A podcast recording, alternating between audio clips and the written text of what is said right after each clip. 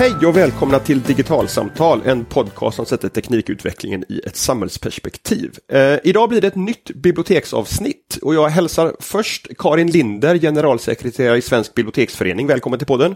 Tack! Och Britt Stakston som är mediestrateg och skrev ett kapitel om medborgarnas behov av biblioteken i en digitaliserad samtid som en del av en omvärldsrapport som Kungliga biblioteket gav ut för några år sedan. Två år sedan tror jag det är nu Britt. Välkommen till podden du också! Tack så mycket! Uh, ni publicerade rätt nyligen i mars en debattartikel om bibliotekens roll i digitaliseringen i dagens samhälle. Uh, och det här är ett ämne som har varit uppe i podden tidigare och som jag tycker är jätteintressant att följa därför att jag ser uh, ungefär de sakerna som, som ni ger uttryck för i den här debattartikeln. Men en av de sakerna som, som ni lyfter här och som, som är en utgångspunkt för, för ert resonemang det är att debatten om biblioteken och digitaliseringen har blivit lite för smal, att den, den inte spänner över alla de aspekter som finns i det här mötet. Om vi börjar där, kan, kan, ni, kan ni utveckla vad det är för, för hur ni skulle vilja att den här diskussionen om bibliotek och digitalisering vidgas? Jag kan börja, eh, väldigt ofta när man pratar om digitalisering överhuvudtaget när det gäller akademin eller medier eller litteratur så handlar det ju om att byta bäraren av informationen, alltså från en tryckt bok till en digital bok så tror man att det är det det handlar om. Men eh, aspekterna är ju oändligt många fler än det och det var det som vi ville lyfta fram med den här debattartikeln.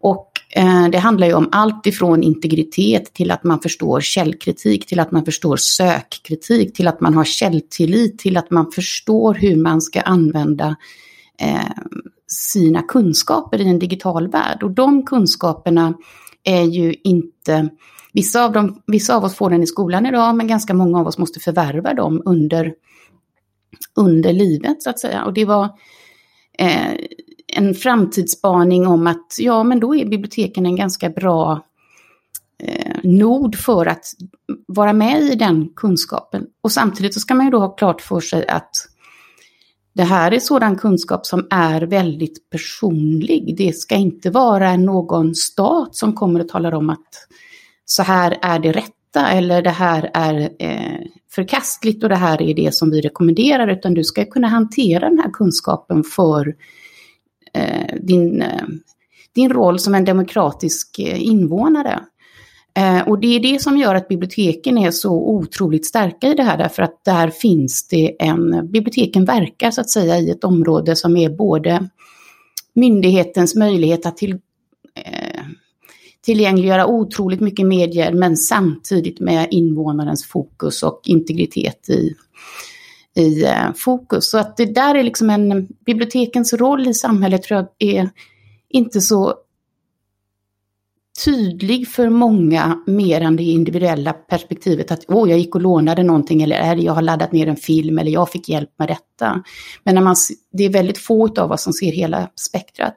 Men Britt har ju gjort en jättebra koppling i det där i den här omvärldsanalysen som också går tillbaka till historien. Så Britt kanske kan fortsätta lite där om folkbildningsperspektivet?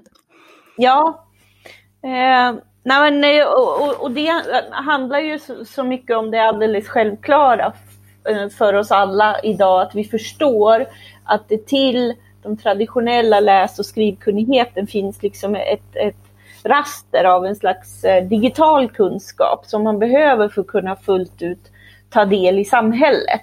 På samma sätt som vi ju alla vet vad det betydde med eh, läsebokssatsningar och så vidare övergången från bondesamhälle till industrisamhälle. Och där någonstans i, i, i en fas där vi fortfarande är på ett stort, liksom, behöver upptäcka mycket och känna oss mer trygga med många av de här sakerna, så menar jag som eh, utifrån också ser på biblioteken hur ofta man missar vilken otrolig resurs biblioteken både har varit i digitaliseringen men också kan vara. Och också att man helt missar den unika position de har att just vara ett ett tryggt rum, vare sig det är det fysiska eller det digitala forumet av ett bibliotek idag, för att hantera frågor om internets framtid.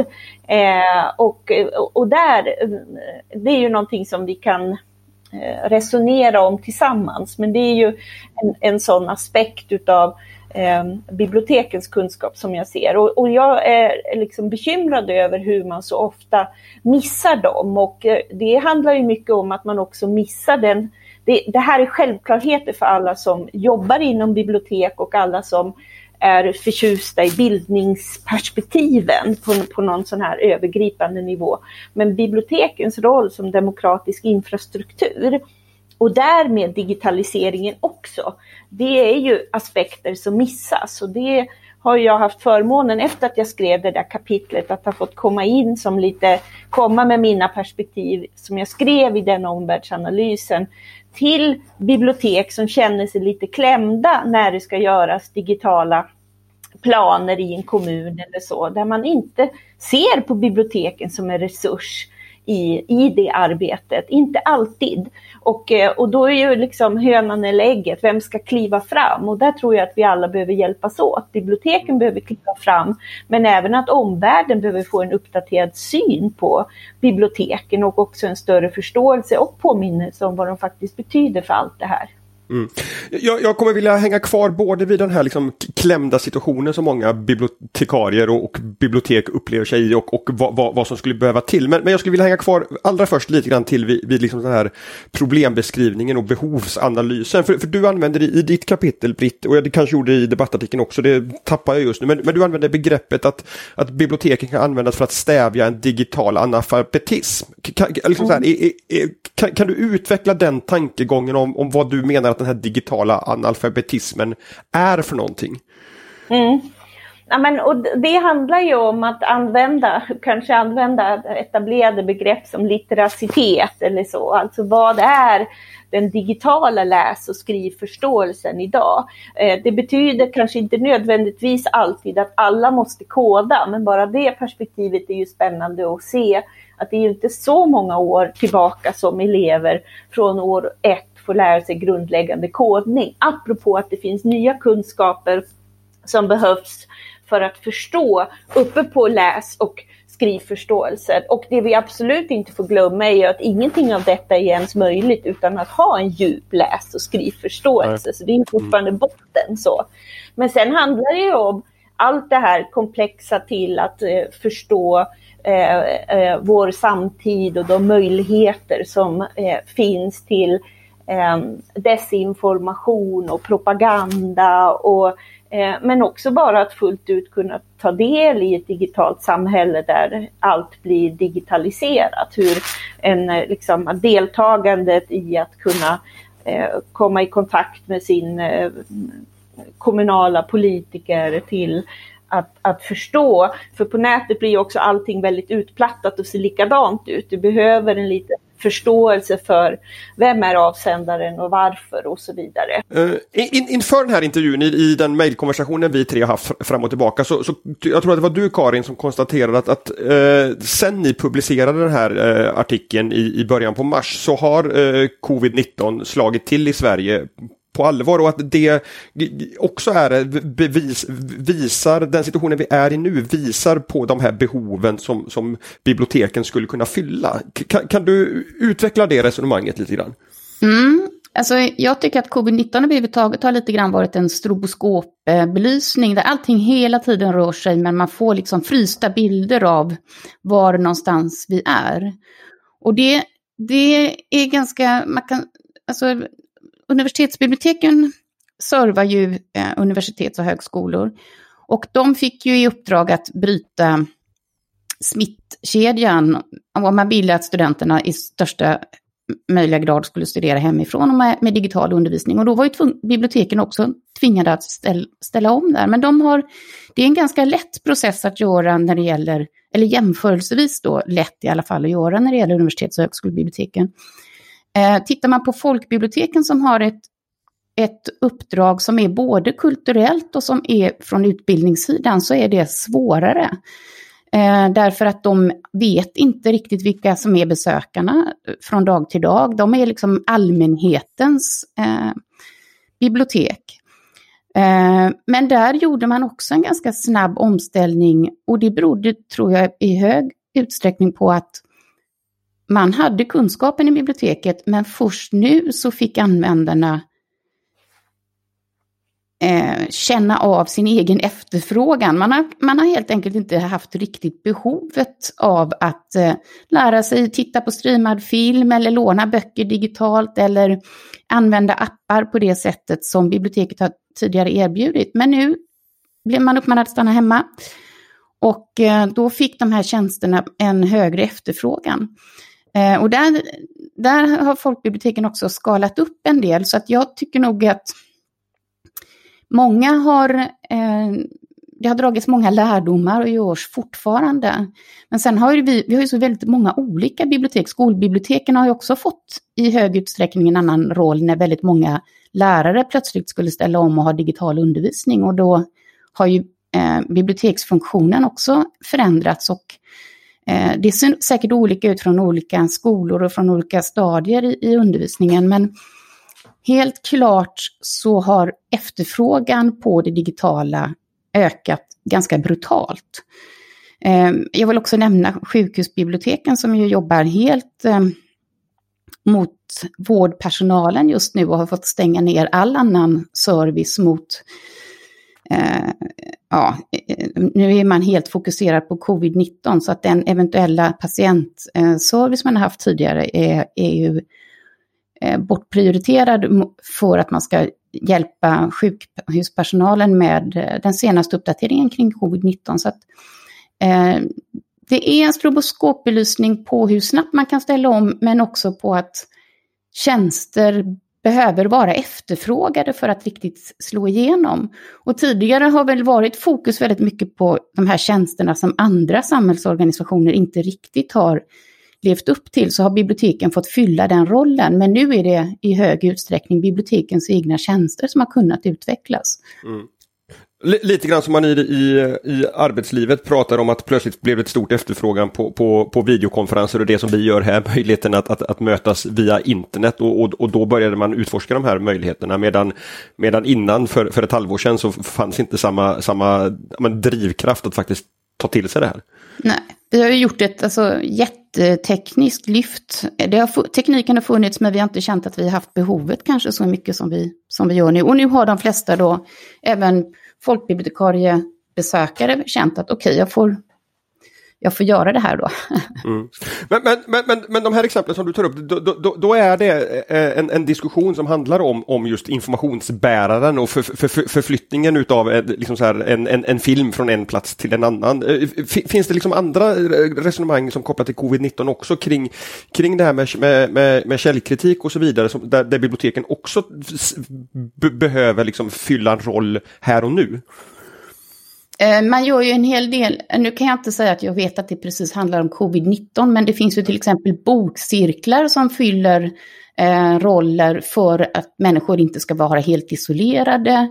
Eh, biblioteken samarbetar ju i hög utsträckning också med andra organisationer för att nå ut till äldre och till eh, människor i riskgrupper. Så att eh, det är inte enbart förflyttare av medier, utan det är också eh, Eh, till exempel tjänster som visar att de här eh, informations... Eh, eller de här URL-erna kan du titta på och söka och de är, de är tillförlitlig information. Och jag vet att det finns bibliotek som eh, eh går ut och, också och pratar eller gör omvärldsbevakning för eh, hela kommunen eh, angående covid-19. Så att det, det, ser ganska olika ut, men det är inte enbart så att okej, okay, kan, du kan ladda ner den här boken, även om det är nog en stor del som handlar om det. Mm.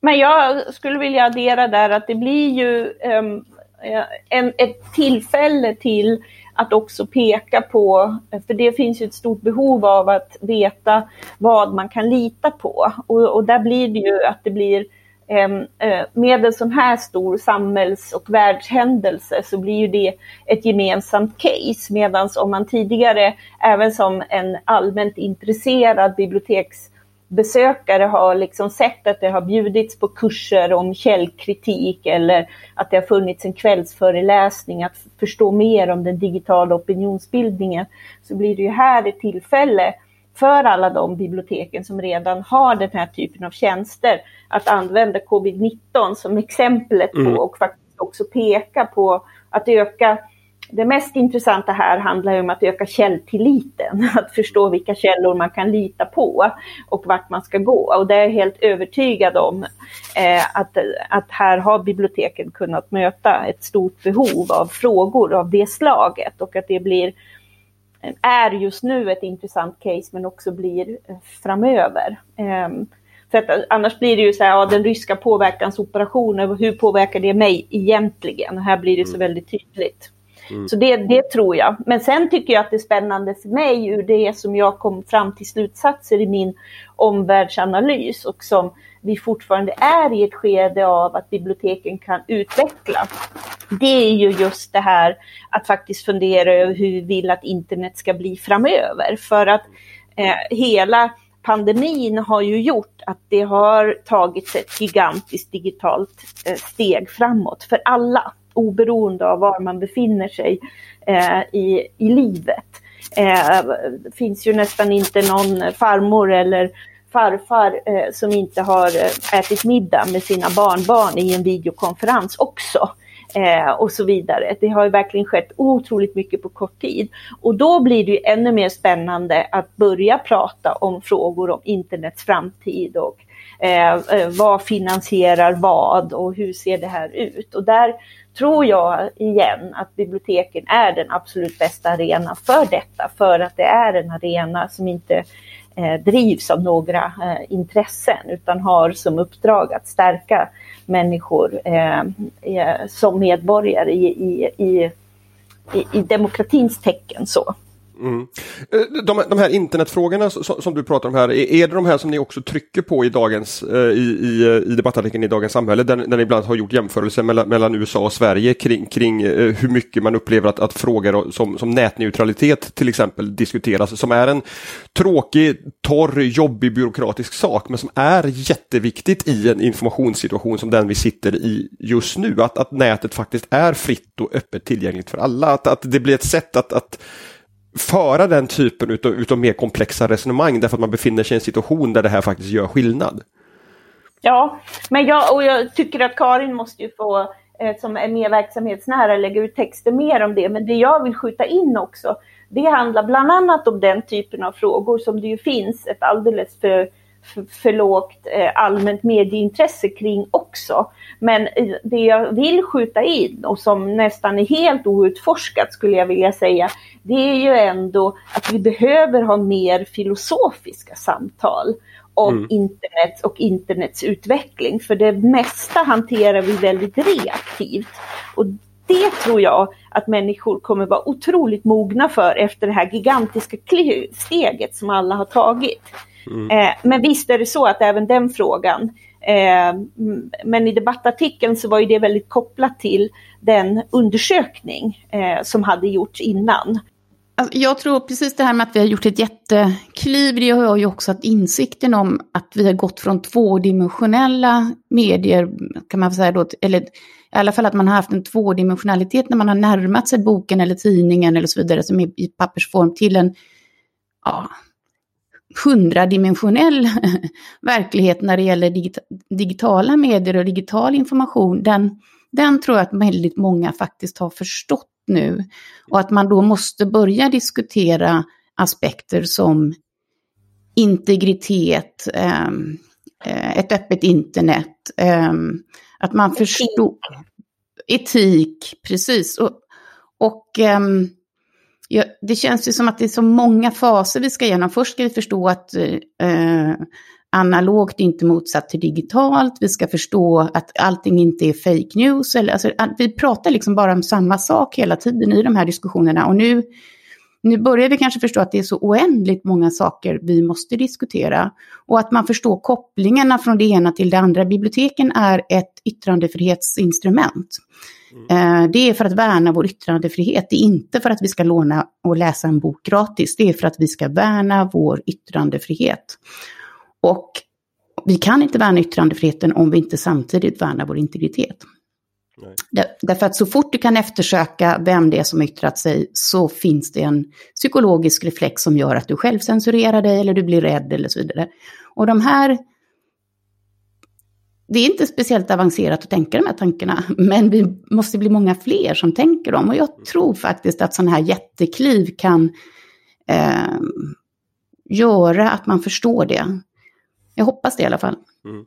Amerikansk, eh, Pen America gjorde något år tror jag efter, efter Edward Snowdens stora läckor om, om eh, övervakningen från NSA och så vidare. En, en enkät bland amerikanska journalister och författare om hur de hade förändrat sitt nätbeteende som en konsekvens av de här de här avslöjandena och det var ju väldigt, väldigt många som, som skrev just att de, de var mer försiktiga med vilka diskussioner de gav sig in i och vad de, vad de sökte efter på nätet och så vidare. Så att just den här självcensuren som du pratar om Karin, hur, hur den faktiskt slog till bara av vetskapen utav att den här diffusa övervakningsapparaten finns där ute någonstans.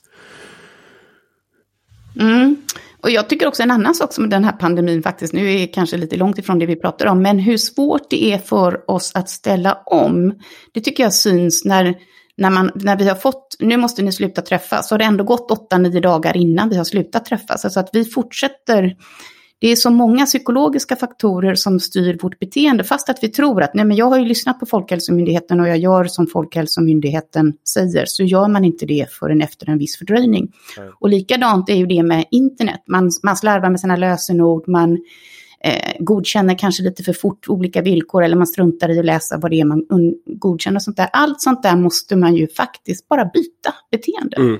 Mm. Eh, och eh, i alla fall läsa noggrannare. Men, men jag, jag, jag tror att biblioteken har en roll här faktiskt och att man också förstår att biblioteken har en problematik i detta. Det är inte så att biblioteken väldigt enkelt kan säga och garantera att eh, vi, vi ehm, använder bara tjänster eller service som inte går att följa, utan då, biblioteken befinner sig också i en problematisk situation. Så det här är ja, återigen då flerdimensionellt. Mm. Jag, jag, skulle komma in på det som du pratade om, om, om Britt, med att, att bibliotekarierna ibland hamnar i en situation där de kan upp, upp, uppleva sig som, som lite klämda. Jag, jag, har under senaste ett och ett halvt, två åren varit ute och, och föreläst en del för bibliotekarier om digitalisering just med integritets och, och, och IT-säkerhetsaspekt. Och i de diskussionerna som jag har haft med de bibliotekarierna som jag har träffat då så, så uppstår, eller får jag ofta höra berättelser om, om eh, hur, hur biblioteken idag upplever att de många gånger har blivit någon slags allmän helpdesk dit folk kommer som behöver ha hjälp med sitt bank-id eller ett glömt lösenord eller att, att göra en banktransaktion eller som någon bibliotekarie berättade om med hjälp att, att skicka in en skilsmässoansökan. Och, och, och som, som grundar sig i just den här digitala analfabetismen som, som, som du nämnde. Och, och, samtidigt då som man som, som, som man som bibliotekarie känner att en del av de här frågorna ligger nog faktiskt på vårat bord. Men, men hur långt etiskt kan jag gå att hjälpa till med att skicka en skilsmässoansökan eller byta ett lösenord? Och, och hur, hur får vi resurser och vilken kompetens får jag själv för att kunna hantera de här frågorna på ett bra sätt? Det har jag alltid tänkt på som, en, som att känna sig i, i, i kläm. Är, är det liksom det du menar med det också? Nej, alltså, det där hoppas jag att vi snart lägger bakom oss. Men ja. så har det ju absolut varit. Mm. Och det är ju nästan när vi skriver internethistorien om 20 år eller så, så kommer det ju vara otroligt intressant att konstatera vilken otrolig roll biblioteken fyllde här utan att aldrig egentligen få resurser för just detta.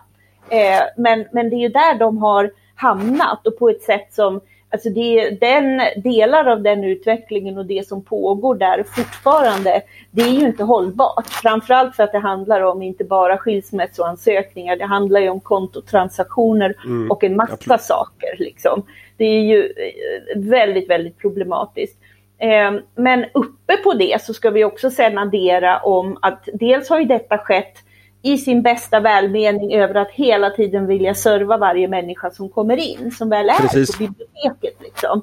Eh, och, och, och detta har då skett utan att man egentligen har förstått vilken otrolig motor biblioteken har varit i det här.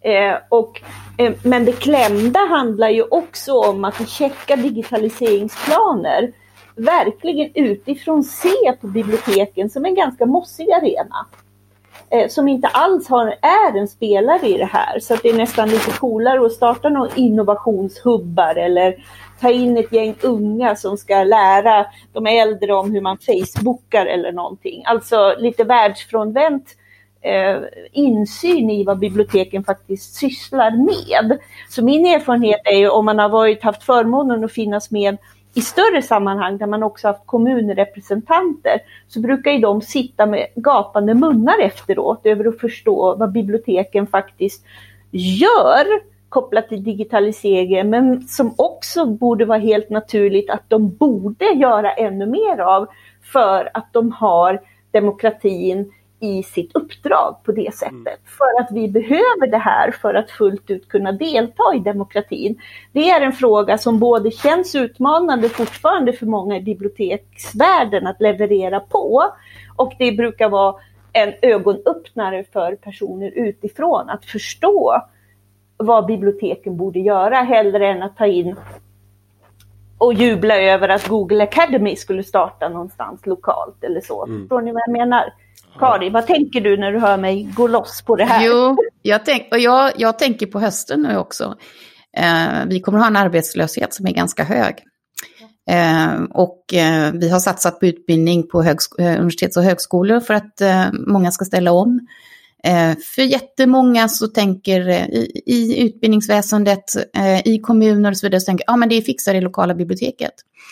Och det skulle vara jätteintressant då att se hur många som pratar med det lokala biblioteket av, av beslutsfattarna för att de ska kunna vara beredda och ha gjort den eh, beredskapen som behövs för att ta emot det. För att eh, i, ofta i omställningar så landar väldigt mycket i det lokala biblioteket. Eh, och det behöver man ju ta höjd för och man måste göra en planering för det. Och då kommer det ju inte att vara så att alla ska komma till det lokala biblioteket, utan sannolikt är det så att man sitter på distansundervisning och då ska det lokala biblioteket någonstans hjälpa till där. Så här behöver man ju liksom tänka innan, så kan man ju säga. Det här är liksom en, en nulägesbild som, som ni har gett nu. Om, om ni fick önska fritt, vilk, vilken roll skulle biblioteken spela på sikt? Och för att vara, så här, ställa två frågor igen, hur, hur ser vägen dit ut? Karin, om du börjar. Vägen ut är att man stakar ut lite grann, vad är det som samhället och individen behöver hjälp med? Vilka frågor är det vi ska möta i framtiden? Mm. Hur möter vi dem och hur använder vi biblioteken? Och vilken typ av samordning behövs för att vi ska finna synergier? Mm. Så det måste börja med en, tydlig, en tydlig liksom debatt och diskussion om ja, så här, vilken roll är det som vi vill att biblioteken ska, ska, ska fylla för att liksom ha en, en tydlig målbild? Ja, just nu tycker jag ju att den har vi väl framför oss allihopa lite grann. Nu är det ju en ganska kortsiktig, vi måste komma på fötter efter covid-19. Eh, men sen långsiktigt så finns det ju mål, globala mål. Eh, vi har Agenda 2030 och så vidare. Och där ska man ju också återigen då tänka mer än tvådimensionellt. Om vi ska ändra på så otroligt mycket i vårt beteende, hur påverkar det i sin tur hur vi reser? Hur vi eh, rör oss i lokalsamhället och hur påverkar det i sin tur biblioteket och hur ska biblioteket vara med och påverka där när det gäller folkbiblioteken. När det gäller universitets och högskolor så måste man ju också tänka på språkaspekter till exempel. Eh, så att eh, återigen, biblioteken har en roll i ett mål och då måste man först bestämma målet och, och det är ju politikernas uppgift att göra det. Mm. Britt, vad tänker du?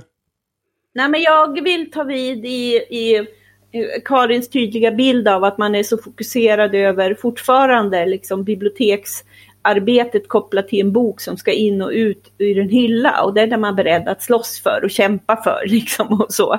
Men eh, att, att eh, komma ihåg att om vi pratar om att värna yttrandefriheten idag så krävs det ett otroligt aktivt arbete kopplat till den digitala arenan. Och för mig handlar det väldigt mycket om hur folkbiblioteken ska se sig själva, jag har använt uttrycket mer som digitala tankesmedjor.